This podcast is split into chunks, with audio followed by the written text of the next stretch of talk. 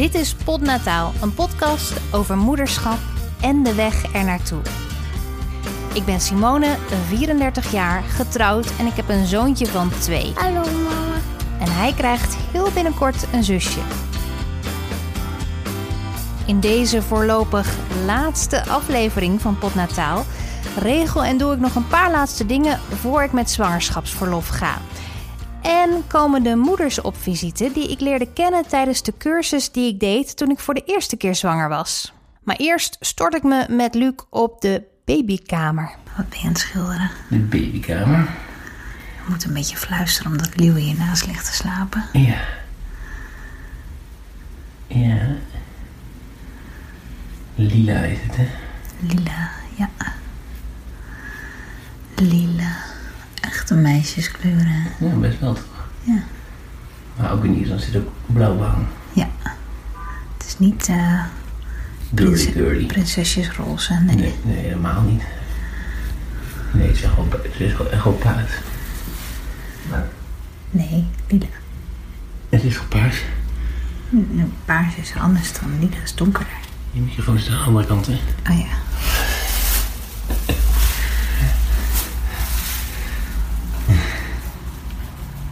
Ja, dat is waar.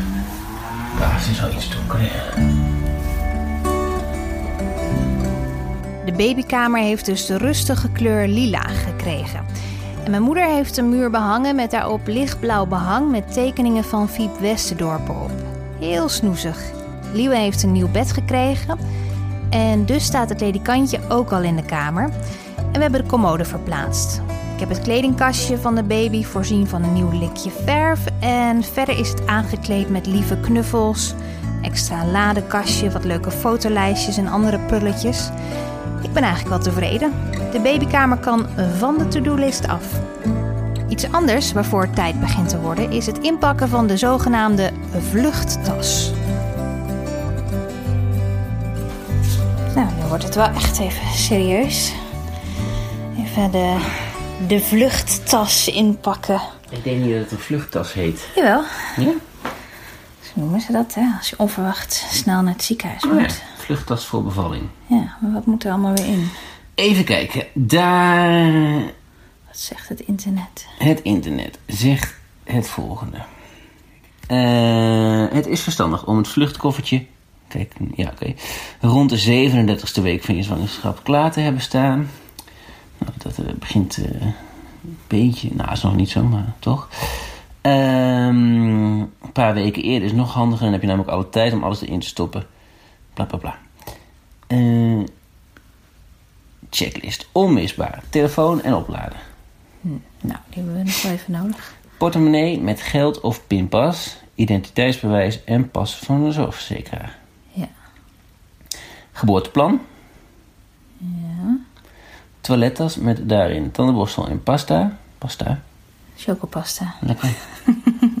Tandpasta. Ja. Deodorant, haarborstel, eh, make-up, make-up remover, bla bla bla, lippenbalsem, medicijnen als je die gebruikt. Ja. En dan kleding. Een fijn shirt om in te bevallen. Nee, dat heb ik nog niet echt. Nee, moet je dan hebben. Eh, dikke sokken. Veel vrouwen krijgen koude voeten tijdens de bevalling. Gewone sokken, nachtkleding, joggingbroek of een andere comfortabele broek, t-shirt en hemdjes, trui, zwangerschaps-BH, voedings-BH, onderbroeken. Tip, grote oma onderbroeken zitten na de bevalling het prettigst. Pantoffels of slippers en een kraanverband, zoogcompressen, bril of lens als je die draagt, eten en drinken, druivensuiker, tijdschrift of een boek, koptelefoon, laptop of tablet. En voor de baby twee mutsjes, twee rompertjes, twee shirtjes, twee broekjes, twee paar sokjes, een jasje, een newborn luiers en een omslagdoek of dekentje. Nou, dat hebben we allemaal wel, hè? Ja, even kijken. Twee mutsjes hebben we wel, ja. Rompertjes, ja, shirtjes, broekjes. Ja, dat redden we allemaal wel. Lijkt mij ook. En voor de partner, Oh ja, dat ben jij. pijnstillers. Ja, voor mijn hoofdpijn natuurlijk. Nou, voor het geval jij ook blijft slapen. Nee, hier staat ook pijnstillers. Niemand zit er tijdens de bevalling op te wachten dat je partner klaagt over hoofdpijn of andere pijntjes als jij aan het bevallen bent. Kleding.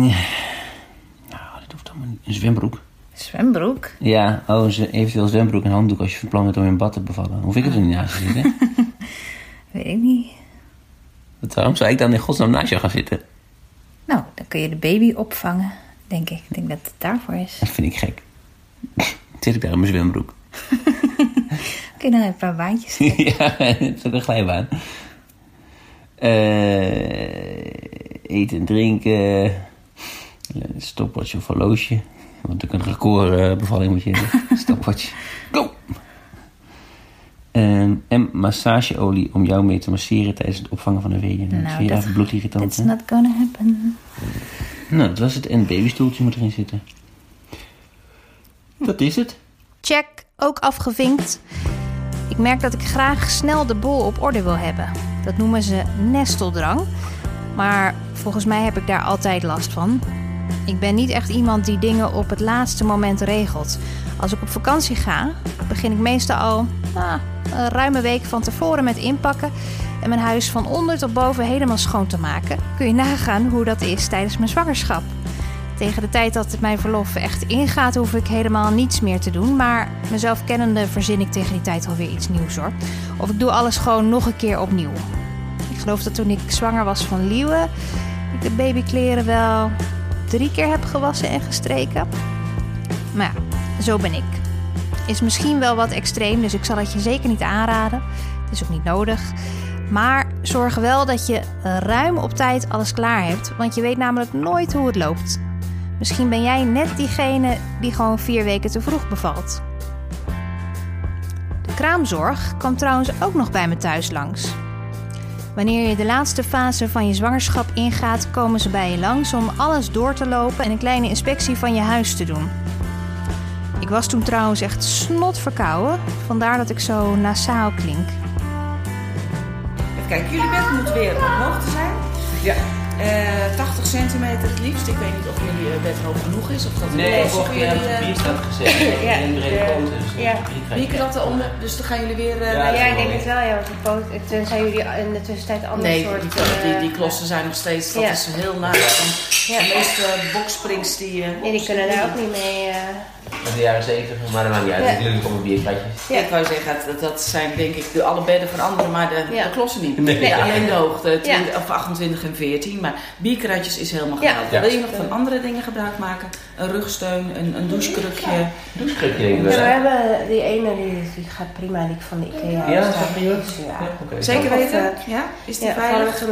Ja, dus ik weet niet. Ik weet niet. Nee, we kunnen, ik weet niet of je nog boven kijkt. Ik kijk zo wel even mee. Ja, want anders zit, het zit Ja. bij je verzekering in. Ja, ik kan het voor Ja. je bestellen. En dan heb je in ieder geval Ja. een douchekrukje Ja. die niet wegglijdt, die Ja, stevig nou is. misschien nog maar wel, ja. Dus met ik zou dat eh, ja. persoonlijk ja. eigenlijk Ja. wel adviseren. Want Ja. dat zijn toch dingen dat ik denk van die staan stevig. Ja. En heb je zo'n krukje wat ineens wegglijdt of wat Ja. dan ook, wil je Ja. echt niet. Nee. Niet naar een normale bevalling, maar zeker niet naar Nee, een keizersnede. nee precies. Nee, doe maar eh, wel. Even ja. kijken, ja. Ga ik doen. En wil je ook een rugsteun? eh, Waar is die voor? Dus? dus, eh, ik weet niet of jullie verstelbaar bed hebben wat omhoog Nee. vlakken. Dat is om le- lekker rechtop in bed te kunnen zitten op verschillende dingen. Ja. Dus Ah, ik ja. doe hem er gewoon Ja. bij, want het Ja. is een plat plakje. Ja. Dus eh, Nou, nu voor alle hulp die we kunnen hebben. Ja. ja, en nou zeker, weet je, Ja. wij, wij adviseren het ook altijd. Ja. Gebruik je het niet, oké prima, eh, de- Ja. één belletje, ze komen het meteen weer ophalen. Maar zeker ook aan het einde van je zwangerschap. Je wordt zwaarder, je kan lekker onder de douche zitten, even je haren wassen. En eh, Ja. vaak als je een normale bevalling hebt, heb je meer bloedverlies nog dan met, Ja. met een keizersnee. Kan je wel duizelig zijn, dus Ja. maak gebruik van die artikelen. Ja. En wij zijn altijd erg blij als we ze in huis hebben. Ja, je hoort het goed. Ik krijg een douchekruk en een rugsteun. En ons bed moet omhoog, op bierkratten. Je bed moet altijd omhoog. Dat is zowel nodig voor een thuisbevalling als voor de kraamzorg. Want je wil niet dat de kraamverzorgster een hernia krijgt omdat ze steeds moet bukken om jouw bed te verschonen. En ze hebben speciale blokken die je kunt lenen om onder je bed te zetten. Alleen bij heel veel bedden van tegenwoordig passen die helemaal niet, omdat de poten van het bed te breed zijn. Het staat niet heel mooi, maar bierkratten zijn dan wel de perfecte oplossing. Aardbootje loop ik nu even door. Nou, over het algemeen eh, zijn de dingen niet zo heel spectaculair eh, daarin. Jouw voornaam was Simone. was, is. Ja. Even kijken. Er moet veilig gewerkt kunnen worden, dus geen val- of stootgevaar zijn. Veilige apparaten van gas en elektrisch. Veilige elektrische voorzieningen. En agressie en geweld wordt niet op prijs gesteld. Nou, Nee. doen jullie ook niet, denk ik. Hè? Nee, dat is vice versa. Voldoende bewegingsruimte en geschikte hulpmiddelen om mee te werken. Dus emmers, spiraalzakken, vuilniszakken, schoonmaakmiddelen, uh, wasmachine, wasdroger. Eventueel, dat is niet nodig. Strijkplank, strijkijzers, allemaal. Ja. Helemaal top. Nou, de huisdieren waren erg lief, dus daar hoeven we niet bang voor te wezen. Zo loopt ze alles stap voor stap met je langs in huis en krijg je precies te horen wat je kan en mag verwachten van de kraamzorg. Als je wil weten hoe het is om te werken in de kraamzorg en een kraamverzorgster in huis te hebben, dan moet je zeker even aflevering 6 luisteren van Potnataal. Daarin loop ik mee met kraamverzorgster Suzanne. Ja, dag lieve. Lekker appeltje eten? Ja, hè? Fijne vakantie nog? Ja, dag boef. Dankjewel. Dankjewel. Tot ziens. Geniet van jullie mooie week. Ja, we hebben... Deze zwangerschap is het me niet meer gelukt om nog een cursus te volgen. Eigenlijk gewoon door tijdgebrek. Best wel jammer, want het is iets wat ik wel aan zou raden, namelijk. Zeker tijdens je eerste zwangerschap. Niet eens per se omdat je er nou zoveel van leert, maar vooral omdat je leuke andere moeders ontmoet. Ik heb een cursus Mensendiek gevolgd en leerde daardoor Annemarije, Sanne en Michelle kennen. Annemarije was toen zwanger van haar tweede kind, ik, Sanne en Michelle van onze eerste. En inmiddels zijn we een paar jaar verder en is Annemarije hoogzwanger van haar derde. En heeft Sanne inmiddels ook twee kinderen thuis lopen. De afgelopen jaren gingen we geregeld lunchen en koffie drinken met de kinderen erbij. Lekker een beetje beppen en ervaringen uitwisselen. En nu komen ze bij mij thuis langs. Sanne heeft haar zoontje Thijs meegenomen en Michelle haar dochtertje Ayla. En de kinderen van Annemarije en mijn Liewe zijn op de opvang. We moeten terugdenken aan de cursusleidster van toen. Hoe heet dat jou ook weer? Oh oh. Iets met Hanneke of zo? Nee, Hannika. Hannika? Ja? Ja. Volgens mij heet ze zo. Ja, weet ik niet meer. Thijs gaat eventjes naar de poes. gaat even op de gang. Maar het is misschien Ja. wel meer dat je bezig bent, of, nou heel bewust bezig bent met wat er gaat komen. Ja, ja. En ik dacht wel heel vaak van, oh, is dit nou de goede voorbereiding als je dit dus allemaal voor het eerst doet? ja. Eh, ja, want ze was toch wel soms Beetje warrig. beetje warm. Dat wist ze ook van zichzelf. Ja, ze was niet zo goed met eh, focus op één onderwerp. Het was wel leuk en natuurlijk ook inderdaad om ervaringen zo uit eh, te wisselen, denk ik ook met elkaar. Maar die cursus op zich, ik kan- zou er ook nu echt niks meer van kunnen reproduceren. Ik weet eigenlijk alleen nog dat ze op een gegeven moment toen zei van eh, eh, een soort van mantra had ze ons geleerd van deze week komt nooit meer terug. En die heb ik wel heel vaak Oh ja. in mijn hoofd herhaald. Gewoon deze week komt nooit meer terug. Maar verder, eh, toen ik eenmaal bezig was, toen dacht ik echt totaal niet, niet meer aan aan die... eh, nee, nee, nee. En of aan die houdingen of zo. Ja, voor mij wel houdingen, maar dat is Ja? voor mij heel erg belangrijk. Ja. Want, eh, ik heb scoliose Ja. en daardoor moet ik daar veel meer rekening mee houden. Dus daardoor heb ik ook al eh, een keertje eerder gekomen en dan kon ik heel even eh, beoordelen hoe dat zit. En dan rekening met welke houding ik moet houden. Dus, en ik vind mondeling en visueel dingen veel fijner dan boeken en dat soort dingen. Dus Ja. daar heb ik ook voor gekozen. Want wa- wat is dat ook alweer wat je, wat je hebt? Dat de ruggenwervel niet het rechte model zeg maar, heeft zoals je tekent. Dus het heeft een slag. En eh, bij mij zit het op ribbenhoogte, dus mijn hele ribbenkast zit ook een beetje meegedraaid. En dat is weer een soort van voordeel, want als je zwanger bent, dan zit het lekker laag. En dan Oh ja. heeft het minder effect op mijn eh, scoliose. Maar het heeft wel een gewicht en dat trekt wel aan mijn hele Ja, eh rugwervel. Dus daar kan ik er wat last van hebben. ja. Heb je daar dan na- nadien nog veel last van gehad ook? Of dat nee, ik heb op mijn werk kunnen regelen dat ik eh, af en toe mag liggen. Als ik denk van, ah, het is me te zwaar. En dan mag ik even liggen. eh, en dan eh, vijf minuten later of zo kan ik weer verder. Ja, En met die rustmomenten, dat was ideaal. ja, ja. En Sanne, jij hebt nu natuurlijk de tweede ook inmiddels al. Ja. eh, hoe, hoe oud is ze nu? Ehm, bijna negen maanden. Bijna negen maanden, ja. Ja. Heb je toen nog een, een tweede cursus gedaan? Ja, toch wel. Omdat het toch een eh, momentje is om met de zwangerschap bezig te zijn. Dus als je een eerste kindje hebt rondlopen, die is best wel druk. En je hebt gewoon eigenlijk geen tijd om erbij stil te staan dat je zwanger bent. Dus Mhm. ik vond het wel heel fijn om juist die tijd eh, per week eh, te hebben. Ja, En ehm, ja, het is toch ook een soort van mentale voorbereiding. Het helpt om met mensen te spreken die in dezelfde fase zitten en dezelfde dingen meemaken en dezelfde onzekerheden hebben. ja. Dus dat is heel fijn. En wa- wat voor cursus had je nu gedaan? Ook Eh, weer ik mensen had nu die- een cursus gedaan via de verloskundige. Dat is Centering Pregnancy. Dus dan ga je, heb je Oh, ja. eerst een ehm, bijeenkomst en dan word je ook, eh, krijg je vaak een echo en een controle daarna. Dus dat was. eh, Ja, ja, en dat is, want dat is dan dat je toch met meerdere mensen ook je afspraken steeds eh, hebt. Ja. Dus je controle is wel gewoon individueel, maar de rest is allemaal gezamenlijk. Ja. Nou, dat is ook wel wat om eh, aan te denken. Tenminste, nou ja, nu, nu misschien niet meer, maar... eh, Hoe groot was de wel, groep? ja. Ehm, ik denk aan het begin bijna met tien eh, mensen.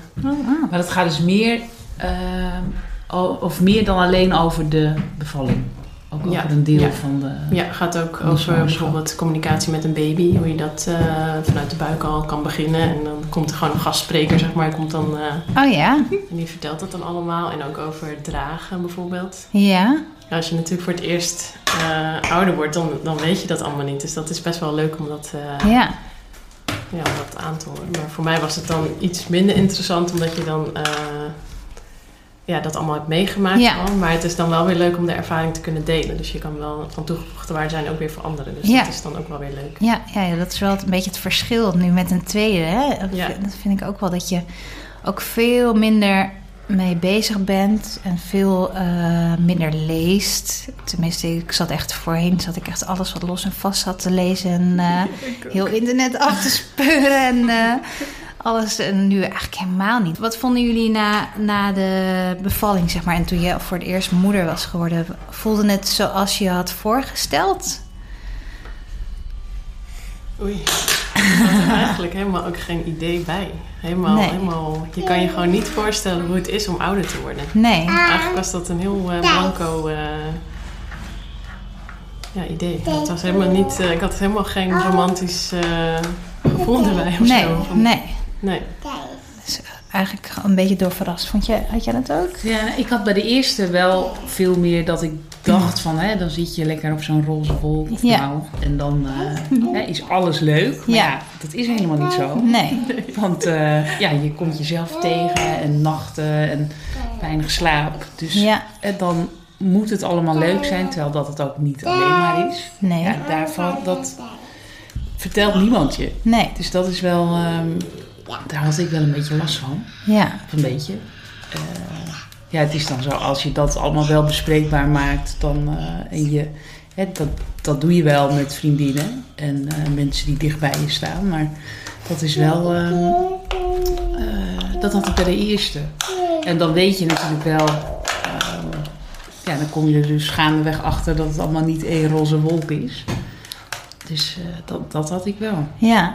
Ja. Ja, dat Ik denk ik dat het ook wel heel erg persoonlijk is. Want ik heb ja, met een baby blijkbaar niet opeens dat verliefd gevoel. En dat heb ik pas wanneer ze begonnen te lachen en allemaal dat interactieve. Ja. En dat vond ik interessant. Maar Ja. Dat baby-baby uh, zit zo van... Ja, ik ben echt alleen maar bezig met verzorgen. Ja. Ja, ja, het in leven houden, zeg maar. Ja. Ja, en zeker bij de, bij de eerste, dan, ja, dan denk je van, nou, maar. Ja. Hè, je rommelt wat aan. Ja. En eh, ja, dat, het is inderdaad ook wel zo dat het persoonlijk is van, eh, ja, sommige mensen zijn dan helemaal van het baby, eh, van de babyfase. Ja. Ik had het zelf ook wel wat minder. Maar eh, ja, Ja, en dat je ook, tenminste had ik ook heel onzeker bent van doe ik het ook allemaal wel goed. En eh, eh, krij- krijgt hij wel alles wat hij, wat hij zou moeten krijgen. En eh, dat je gewoon continu ook bang bent dat hij niet goed, dat, dat hij niet goed ligt in bed. Of dat hij te warm is of te koud. Ja. En gewoon de hele tijd heel veel, heel veel zorgen. Dat, dat vond ik misschien wel hetgene waar, wat ik me van tevoren niet kon bedenken hoe dat zou zijn. Maar dat, dat je je van tevoren niet kan voorstellen dat je dus nooit meer los bent van het eh, gevoel dat er altijd wat kan gebeuren en dat je altijd eigenlijk bezorgd bent en daar no- nooit meer vrij van bent of zo. Tenminste, ik vind niet erg dat je, hè, dat je niet minder tijd hebt voor jezelf of dat je niet zomaar de stad in kan gaan. Dat, dat Oh, heb- geen last van. Nee, dat vind ik ook niet zo erg. Maar het is meer. gaat denk ik altijd. Het is meer dat je nooit meer los bent van je kind. Dat is iets heel moois, maar ook, ook wel iets beangstigends of zo. Dat je gewoon eh, overal waar je gaat of staat, je altijd in je achterhoofd hebt: oh, als het allemaal maar goed gaat. Wij zijn een klein beetje allebei nuchter, mijn man en ik. Ja, Wij, wij, wij zien heel veel dingen heel erg van de praktische kant en zo. En als je dat goed doet, dan is het prima. ja, Maar helemaal in het begin. En dan, eh, ja, dan gaat het kind huilen. En dan, eh, ja, de luier is gedaan, de voeding is gedaan. eh, je bent aan het knuffelen. En dan, wat is aan de hand? En dan, die fase vond ik moeilijk. ja. Dat Van, je niet kan eh, duidelijk maken wat, eh, Het wat kind er eh, is. is verzorgd, het kind kan overal mee. Maar de fase dat je dan gewoon niet weet wat je dan moet doen. Ja. Dat het gewoon nog steeds niet goed genoeg is. Nee, Ja, dat, dat, dat is het enige waar ik moeite mee heb. Voor de rest niet. We gaan weekenden weg en zo, dat is allemaal prima. Je hebt het er altijd over. ja, Maar gewoon, ja, meer dan welke familielid of vrienden van, nou, heeft Ja. ze wel naar haar zin als een vorm van leuk. ja, Maar ik heb gelukkig niet echt zorgen zorgen. nee, Dat mama's zorgen. nee. En daar ben ik wel blij om, want dan kan ik gewoon, ja, op beide manieren gewoon genieten. Ja, Maar niet weten wat je moet doen, dat, ja, misschien is het vanwege omdat het de eerste is. Ja, ja dat je Dat- minder dat dingen herkent of zo. Misschien dat je bij een tweede inderdaad ook wel... Ik weet niet hoe jij dat vond, maar dat je dan dingen sneller ziet of doorhebt dan... Ja, Het snapt. Ja, dat is wel echt, vond ik, een heel groot verschil.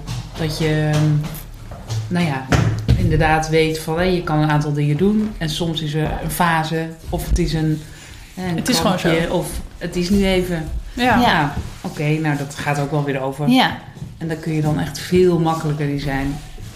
Omdat je, ja, dat hoort er gewoon bij. ja, ja, dat denk ik ook. Ja, ik- maar het enige waar ik me nu wel een beetje zorgen om maak... is dat ik denk, hoe ga ik dat straks doen eigenlijk met twee? Als je dan s'avonds, weet je, dat is toch spitsuur altijd... Ja. Met, eh, met kinderen en met eten en eh, onder de douche gaan en weet ik het wat... En hoe, hoe doe je dat in je eentje met een baby en eh, een peuter die, nou, wiens favoriete woord nee is? maar dat is niet alleen bij we twee. hebben alle vier inmiddels ervaring met bevallen. Zouden de mama's dingen anders doen bij een volgende bevalling? Ja, Ja. nou, ik had wel heel erg eh, bij de tweede. ehm, dat kwam ook omdat het weer eh, nou ja, richting 42 weken ging en het weer een inleiding werd. Dat ik dacht, het is, eh, ik, weet, ik weet nu wel een beetje wat er komt, dus dat scheelt. Ja, Maar en wat ze zeggen van geen bevalling is hetzelfde, dat is ook echt waar. ja, Dus ehm, het ging ook heel anders. Dus daar ga ik me nu bij de derde ook echt niet meer aan vasthouden. Van, hè, ik, ja, je weet uiteindelijk wel in, in de fases natuurlijk wat er komt. Maar ja. hoe dat eruit gaat zien, dat weet je toch niet. Nee. En, eh, maar dus eigenlijk heb je niet zo heel veel aan die ervaring van de eerste keer. Nou, nee, maar nou, behalve dat je weet eh, hè, dat je het vertrouwen hebt dat je, nou ja, dat je lichaam het uiteindelijk wel, eh, Kan doen. wel doet. Ja, En eh, nou ja, dat je daar ook op moet vertrouwen. En dat alles wat in dit hoofd zit en wat, waarvan je dan, waarvan ik dan dacht, ja.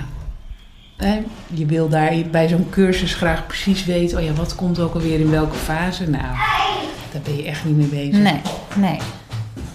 Maar uiteindelijk, ja, komt het hoe, hoe dan ook toch wel goed. Ja, nee, dat is waar. Dat, dat je gewoon meer, je, je bent minder onzeker misschien. Meer, meer vertrouwen erin. Ja, Ja. Had jij dat ook? Ja, zeker meer vertrouwen. Ja. En ook minder voorbereiding nodig in principe. Maar Ja. toch ook wel weer fijn dat het opgefrist was. En de bevalling was zeker ook anders. Begon ook heel anders. Dus je, ja, je kan er eigenlijk niet op voorbereiden. Nee. Gemeen, hè? nou is dat. En daar heb je dus echt helemaal niks aan. Ja, en het is bij ieder, voor ieder eh, ook persoonlijk natuurlijk weer anders. Dus het is ook, je kunt daar wel ervaringen in delen, maar dan nog weet je niet wat hoe het bij jou zal gaan. Dat is ook zo, eh, Ja. ja, zo tricky eigenlijk. Ik had een hele, hele, hele goede bevalling.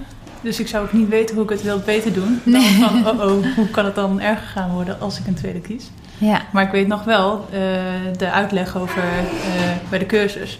Van ja, je hebt je voorweeën die een bepaalde pijnprikkel heeft. Maar je hebt ook de hoofdwee die dan... Ja, die spieren die dan helemaal om- andersom gaat eh, bewegen. Toen moest ik wel denken aan die cursus. Oh, die ja? Van, "Hoe, ja, dat gebeurde zo. Ja, ja, dat je dat dan toch herkende of zo op dat wow. moment. Dat je lichaam zo opeens helemaal omdraait. Ja, nee, dat ha- had ik niet Dat is zo. heel eh, erg eh, bijzonder. ja, ik ben wel benieuwd. Ik vind het wel spannend weer. Wat ik nu eh ga ik doen. vond het eigenlijk de tweede keer spannender, omdat je een beetje weet wat er gaat komen. Oh, Ja. Dat je weet wat... eh, ja. Ja, dat herken ik ook wel, ja. ja, heel gek. En de eerste was ik dus echt blanco, wist ik niet Ja. wat ik, was, wat ik moest verwachten. En de tweede keer dacht ik, oh, heb ik Ja. dit nog nooit zo Oh ja, dit was het. Ja. Oh, ja. Kan ik nog terug? Nee. je kunt van tevoren ook bepaalde wensen uitspreken over je bevalling. Michelle bijvoorbeeld wilde graag in bad bevallen. Ik vond zelf, ik heb eh, badbevalling gedaan. Oh ja. En eh, ik vond zelf als dat Hmm. een, eh, iets interesseert en het is een mogelijkheid medisch gezien, dan eh, ja, overweeg het waar je het allemaal kan doen. Want ik heb het zelf bij een eh, geboortehotel in Amsterdam gedaan. En ik zag zelf hem niet zitten om thuis te doen, vanwege een appartement en zo, vier Ja. ogen. Maar ook niet het- het idee van, nou ja, het ziekenhuis is wat voor mij. Nee. En de mogelijkheid bij de geboortehotel is wel zo van... er is wel een backup en er is ook een heel systeem over hoe je van daar naar het ziekenhuis... Als, mocht het nodig zijn. Ja. En eh ja, het beviel me heel, heel erg goed. Dus eh, ik vond het sowieso heel erg fijn dat je dan die weeën hebt. Ja. En dan eh eh verloskundige eh, had op een bepaald moment gezegd van... oké, probeer nu de bad in te gaan. Nou, dat is sowieso al een heel moeilijke fase. Ja. Want dat, op welke... Is dat een vast moment of kijkt de Eh, verloskundige vanwege de sluiting. Dus, eh, dan gaan ze kijken van oké, hoe ver ben je al? En als zij het vermoeden hebben van oké, je begint te naderen voor een bevalling zelffase, persen en zo, dan vragen ze inderdaad om te kijken van nou ja, net zoals dat je in bed moet liggen of in dit geval in een bad. En dat vond ik wel moeilijk, omdat je dan helemaal bezig bent met al die weeën aan het vervangen. Maar uiteindelijk ben ik heel blij dat, ik, eh, dat het me gelukt is. Ja. Dus over die badrand helemaal gestapt. En toen ging ik zitten en die warmte van het bad en het water gaf me rust. Dus ik had heel even een minuutje, gewoon even, dat er alles weg vertrok. En ik dacht van, Ja. oh, wat is dit fijn.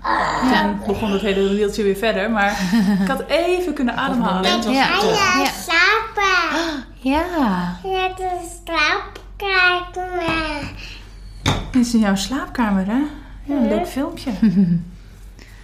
Ja, ik heb dat inderdaad wel eens vaker gehoord. Dat dat dan wel... eh, ja, dat het gewoon ontspannender is of zo. En omdat je ook makkelijker... Je, bent natuurlijk, je hebt minder gewicht natuurlijk ook in een Ja. bad. Is En dat je gewoon makkelijker... eh, ja, allerlei houdingen kan aannemen. En de warmte heel goed is voor het eh, opwekken natuurlijk van Ja. de weeën.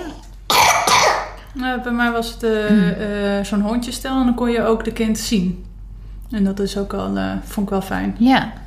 Dus dan, eh, voor je het weet, dan eh, zit je en dan net zoals ieder ander op bed, dan heb je je kind op je buik. En dan- Ja. dat is een mooi moment. Ja, ja. Dat- maar dan zwemmen ze ook zo even naar, naar boven, toch? Ja, en dat is van, inderdaad een van de regels die je krijgt te horen. Als ze eenmaal boven zijn, eh, hou de kind boven. Want dan is die aan het wennen aan de lucht en dan Ja. moet er niet meer een koppeltje onder. Nee, nee. Dus eh, dan heb je opeens zo'n oerkracht dat je nog met alle energie die je eigenlijk niet meer hebt, probeer je de kind helemaal boven te houden. En helemaal zo van, kom maar schatje, een beetje dagvol.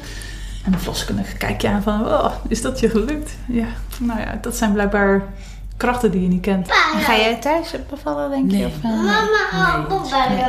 Ja, en op zich, ehm, ja, ik stel me dus ook in op hè, richting 42 weken. Ja. Maar als het dan, ik hoop gewoon wel dat deze keer mijn lichaam zelf verzint van, oh ja, Ja, het is Pak tijd. alvast Ja. tijd voor. En Ja. dan niet bij 42 weken. Nee. Dus daar, eh, daar hoop ik op. Maar ik heb wel heel, ehm, ik heb wel een goed gevoel bij het ziekenhuis dat als er wat is, dat Ja. je dan, nou ja, in ieder geval ehm, in goede handen bent. Ja. En dat je dan niet nog iets moet als het al heel snel gaat.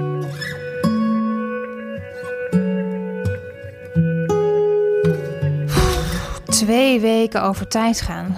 Dat is echt geen pretje, nee. Maar ook daarvoor geldt, je hebt het gewoon niet voor te zeggen. Je lichaam doet wat het doet.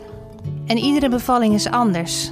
Dit zijn de persoonlijke ervaringen van andere vrouwen, maar die zeggen uiteindelijk, jammer genoeg, helemaal niets over hoe het straks bij jou zal gaan. Voor mij is de komende tijd ook weer heel spannend. In deze podcast zul je mijn bevalling zeker niet gaan horen. Mocht je daarop hopen, dan ja, moet ik je toch helaas teleurstellen. Dat hou ik voor mezelf. Maar ik wil je wel wat vertellen over mijn ervaring de eerste keer. Met de kanttekening dat het dus voor iedereen anders is. Wat er met je gebeurt, hoe je het ervaart en hoe je het wil ervaren. Ik ben zelf vrij nuchter ingesteld en ik hou niet van al te veel toeters en bellen. Voor mij hoeft een bevalling niet een soort van spirituele ervaring te worden met walmende kaarsen en rustgevende muziek. Maar misschien is dat wel jouw ding. Nou, helemaal prima natuurlijk. Ik zie zelf de bevalling meer als iets onvermijdelijks ja, waar je naartoe werkt. En wat heel hard werken is. En waar je uiteindelijk natuurlijk als ultieme beloning je prachtige kind aan overhoudt. Mijn bevalling begon eigenlijk een dag na mijn uitgerekende datum. Ik stond op en ik had een ander gevoel dan anders. Echt uitleggen kan ik dat gevoel niet, maar ja, ik voelde me gewoon niet helemaal fit. Een beetje katterig. Een beetje alsof je op het punt staat ongesteld te worden of zo. Een beetje een onbestemd gevoel. En de rest van de dag deed ik gewoon wat simpele dingen, zoals boodschappen doen. En ondertussen bleef dat onbestemde gevoel. En tegen de avond begon ik me af te vragen of ik misschien weeën had. Maar omdat het niet heel regelmatig was en ook niet heel pijnlijk, gooide ik het maar op een soort van oefenweeën. Want je googelt eens wat en dan kom je daarop. En s'nachts sliep ik onrustig en ja, bleef het eigenlijk een beetje hetzelfde. En de dag erna voelde ik me ook niet echt geweldig. Maar ja, ik had ook niet echt goed geslapen. Dus ja, ik rommelde de hele dag weer een beetje door. Ik had wel sterk het gevoel dat ik weeën had, maar ze werden niet goed regelmatig en mijn vliezen waren ook niet gebroken. En daarom geloofde ik gewoon stom genoeg niet dat het echt begonnen was. De hele nacht deed ik toen geen oog dicht vanwege de krampen. En in de ochtend belde ik de verloskundige en die besloot toen langs te komen. En nou, surprise, surprise. Ik had 5 centimeter ontsluiting. En daar had ik het hele weekend dus gewoon stiekempjes over gedaan. Nu zou ik dat denk ik echt wel herkennen, maar omdat ze je van tevoren ook vertellen dat je vliezen breken en dat je weeën steeds krachtiger en regelmatiger horen te worden, durfde ik niet echt te geloven op dat moment dat mijn bevalling echt was begonnen. Ik wilde in het ziekenhuis bevallen, maar ik moest er ook naartoe. Want de verloskundige die herkende weeënzwakte bij mij. En die dacht dat als ik in dit tempo door zou gaan, ik tegen het einde van de week uh, nog niet bevallen zou zijn, maar wel helemaal uitgeput. Dus we moesten sowieso, no matter what, op naar het ziekenhuis. Waar de verloskundige mijn vliezen vervolgens brak en de weeën daardoor sterker werden. Maar nog niet sterk genoeg, want tegen het einde van de dag zat ik nog niet op de 10 centimeter ontsluiting. En toen kreeg ik er dus nog weeënopwekkers bij. En dat is niet heel fijn. Want daardoor belandde ik in een soort van weeënstorm waarin je echt nauwelijks tijd hebt om op adem te komen. Het werkte wel, want uiteindelijk zat ik op de 10 centimeter ontsluiting. Maar toen was het inmiddels ook al lang en breed avond. Dus al behoorlijk uitgeput begon ik eigenlijk aan het uh, persen. En dat is waar mijn verhaal een andere wending krijgt. Want na lange tijd intensief persen gebeurde er eigenlijk helemaal niets. Ik kreeg het zwaar, mijn baby kreeg het zwaar. En de conclusie was dat mijn bekken te smal bleek om normaal te kunnen bevallen. En ik eindigde dus uiteindelijk op de OK met een spoedkeizersnede. Al met al, pittig avontuur met een goede afloop, want mijn zoontje kwam blakend van gezondheid ter wereld. Maar afzien, dat was het zeker. En wanneer je zoiets als dit meemaakt, ben je bij een volgende bevalling sowieso medisch. Je moet in het ziekenhuis bevallen en je wordt tegen het einde van je zwangerschap dan ook overgedragen van je verloskundige aan de gynaecoloog. En ik heb dan ook weer een afspraak met mijn gynaecoloog van toen gemaakt om de risico's en de mogelijkheden te bespreken. Mijn kansen om normaal te bevallen zijn kleiner dan mijn andere vrouw, maar er is wel een mogelijkheid dat het lukt. Een moeilijke afweging en ja, ergens ook een gok. En op basis van alle voorlichting en adviezen die ik krijg, mag en moet ik daar uiteindelijk zelf een keuze in maken. En dat is wel lastig hoor, voor iemand die het al moeilijk vindt om te beslissen welke kleur sokken ze ochtends aantrekt. Maar goed, uiteindelijk gaat er iets besloten worden. En bevallen zal ik hoe dan ook. En dan zijn er nog een paar andere dingen die ik heb gedaan in deze laatste fase van mijn zwangerschap. Het eerste is iets heel stoms. Toen ik onlangs bij mijn schoonouders was voor een gezellige familiebarbecue, kwam opeens de bloeddrukmeter van mijn schoonvader boven tafel. En een beetje jolig besloot iedereen om zijn bloeddruk even te laten meten. En omdat mijn bloeddruk altijd extreem laag is, wist ik zeker dat dat nu ook zo zou zijn. Dus nou ja, meten en ja hoor, mijn bloeddruk was opeens torenhoog. Echt gigantisch. Nou ja, paniek in de tent bij mij dan. Want ik dacht eigenlijk meteen aan zwangerschapsvergiftiging-achtige dingen. En dus de volgende dag toch maar even extra naar de verloskundige. Hey. Hey. Hallo, goedemorgen. Hallo. Ja.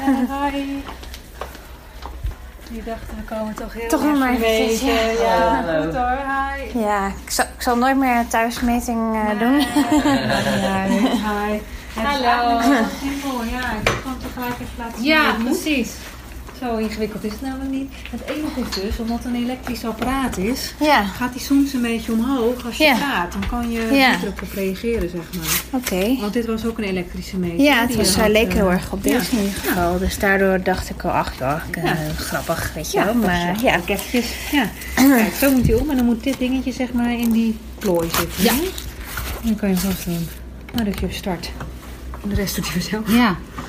Het kind kan de was doen. Het enige is dus dat je niet moet praten tijdens het meten. Bij sommige mensen reageert je daar wel eens op en dan meten hem bijvoorbeeld met de hand, juist daardoor. En nu wachten we natuurlijk vol spanning op. Heel interessant.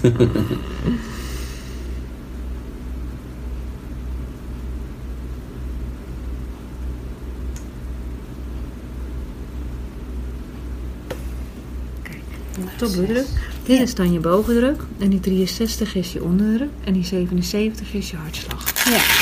Nou, als je zwanger bent, dan zie je dat je bovendruk zeg maar, kan makkelijk wat hoger zijn ook. Ja. Ook doordat je soms in beweging bent en je hartslag ook. En die onderdruk, die 63, die moet normaal gesproken onder de 90 blijven. Ja, ja, En ik denk dat die dan gisteren wat hoger was. ja. Ja, dat komt dan eigenlijk doordat je dan waarschijnlijk aan het praten was. Ga Ja. een beetje vanuit ineens boven Ja. 90 is. Want het, het kan bijna geen serieuze meting geweest zijn. Nee, Want nee. dit is echt precies wat bij jou past. Ja, ja, precies. Ja. Zo iets hoger dan de afgelopen tijd. Maar, ja, maar wel allemaal een beetje rondom de Ja. 60 wat je elke keer had. Hè? Ja. En dat is echt... eh, Ja, 50, ja. maar inderdaad. eh, Ja. Dit, is, dit Ja. lijkt mij minder Maar als je onder de 90 moet blijven, is 63 niet is zo. 63 niet Nee, hoor. nee. nee, dat is meer dan perfect. Ja, nee, nou, nee. Dus dat gelukkig. is uh, supergoed. Maar je Ja. voelt het natuurlijk ook goed. Ja. ik verwacht als je in één keer een bloeddruk had van 90, Ja. dat je het ook echt Dat wel je zou je denken, voelen en er ja. last van had. Ja, ja. nee, zeker. Nou, Ja, ja. oké, toch? Ja. Wel woensdag weer. Ja, ja, ja. Spannender dan dit kan ik het niet uh, nee, maken, nee, maar het is nee, maar dat is goed. toch beter, Zie je toch? woensdag en hoef je met, daar eh, aankomende dagen niet uh, zenuwachtig over te nee. zijn. Dat is gewoon Wat we hiervan leren is dat je nooit thuis voor doktertje moet gaan zitten spelen. Gratis tip. Maar wees ook niet bang als je twijfel hebt of onzeker bent over iets om dan aan de bel te trekken. Want daarvoor is de verloskundige. Iets wat ik je wel kan aanraden om te doen, is om je nog even te laten vaccineren tegen kinkhoest. Had jij verder nog iets uh, te vragen? Nou ja, ik heb een, heel in het begin nog eens een keer gehad uh, hier over inenten tegen mm -hmm. kinkhoest. Ja. Uh, ja. ja. dus dat heb ik nog, uh, maar ik wist niet meer precies wanneer je dat nou het beste zou kunnen doen, uh, eventueel. Ik heb er sowieso een of... flyertje van. Ligt nog een. Ja. Nou, als je het doet, doe je het vanaf nu, zeg maar. Hè? Dus aan het eind van je zwangerschap. Ja. Zodat dan het kindje beschermd is als de baby geboren is. Ja. Omdat je anders na een week of ja, 7, 8 zeg maar, start met de eerste vaccinaties van de ja. baby. Ja. Dus hier staat het in. Als je uh, de vaccinatie wil tegen kinkhoest zelf, dan moet je het via je huisarts regelen. Oké, okay, ja. Dus dan moet je je huisarts bellen en zeggen dat je zwanger bent. En dat je dan de kinkhoestvaccinatie wil. Dat kan ook bij en, de huisarts. Of ja, de huisarts geeft de vaccinatie ook. En je moet even bedenken dat je zelf de vaccinatie moet betalen. Oh ja. Waarom die kosten zo uiteenlopen, heb ik echt geen idee. Maar daar zou je ook bij de huisarts of apotheek naar kunnen Ja. v- eh, ehm, ja, informeren wat het Ja. vaccin kost. Dat leek me een goed idee, want een baby met kinkhoest is echt niet prettig. En het is soms zelfs heel gevaarlijk als ze dat al eh, heel jong krijgen. En op deze manier kun je het eigenlijk heel simpel voorkomen. Het is de KTP die de kinderen ook allemaal krijgen. Die, eh, als ze net geboren zijn, Ja. zeg maar. Dan, Ja. eh, dus en deze haalt dan ook de oude antistoffen weer naar boven. Eh, nou, die tetanus bent u dan ook weer voor tegen beschermd. Dus Ja. moet het echt ook even ergens noteren dat u hem dan gekregen hebt. Ja. Dus de DKTP is dit. eh, ja. Ja, het is eigenlijk omdat ik had gelezen dat het eh, wel heel goed werkt voor de eerste weken. Ja. Zolang de baby Ja. nog niet eh, beschermd is Ja, door klopt. vaccinaties. Dus, maar niet- zoveel mensen weten het volgens mij. Nee, volgens mij zijn ze er wel een beetje, een beetje meer mee bezig. Ja. Ja, met Ja. de GGD, om dat Ja. voor te lichten inderdaad. Ja. eh, Ja. zeker. Maar het is nog niet eh, verzeke- een verzekeringspakket of wat dan Nee, ook. Dus, nee, nee. nee. Maar nog- Even kijken. Nou, gaan we in de bovenarm geven. Heeft u ook voorkeur voor een arm? Hoppa, gedaan. Kostte me een kleine 40 euro. Je moet het wel zelf betalen. Maar dat vind ik het meer dan waard. In de toekomst gaan ze dit misschien ook nog wel vergoeden hoor. Oh, en dan nog iets. Weet je nog dat ik aan het begin van deze reeks op de weegschaal ging staan? Ik begon met een startgewicht van 56 kilo. Misschien wel even grappig om te kijken wat de schade is zo tegen het einde van de zwangerschap. Ja, we gaan nu eh, op de 35 weken aan. Ja. Het uur der, der Kijken of er ook 35 kilo bij is. We begonnen met 56. Ga gleich is tapijt. Ik ga een zoverstoppertje met jou spelen. Mag mama erop? Nog niet. Oh, Nu. oké. Nou, gaan we erop. Daar komt hij. Hey, moet jij er niet ook op gaan staan? Nee. Acht. Nou, wat is het? 68,1. Acht. 12 kilo. Ja, 12 kilo. Nou, dat is niet zoveel toch? Nee.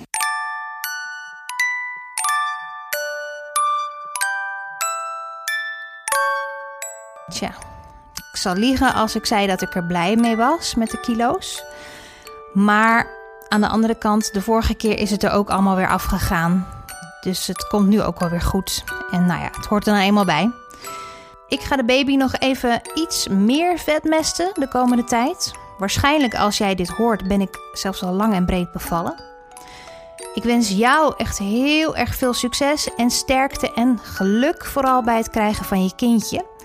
Ik hoop dat je iets hebt gehad aan deze reeks en dat je hem natuurlijk weer wil aanraden bij je andere zwangere vriendinnen. En na de bevalling kom ik terug met een bonusaflevering, die hou je nog van me te goed. En als het goed is, komt er ook nog een nieuw seizoen over na de zwangerschap, als het echt zware werk, het opvoeden begint. Wil je meer weten over deze podcast? Ga dan naar dagennacht.nl, dat is de site van Dag en Nacht Media, of check de site van Ouders van Nu. En laat even een review achter in iTunes, dan kunnen anderen deze podcast ook weer makkelijker vinden in de toekomst. Dankjewel voor het luisteren en tot over een poosje. Hey Liewe, mama heeft een baby in de buik, hè? Oh, vind je dat leuk? Ja. Ja? Babyzusje, heb je zin om babyzusje te zien? Nee. nee? Wil je niet weten hoe ze eruit ziet dan? Denk je dat ze lief is?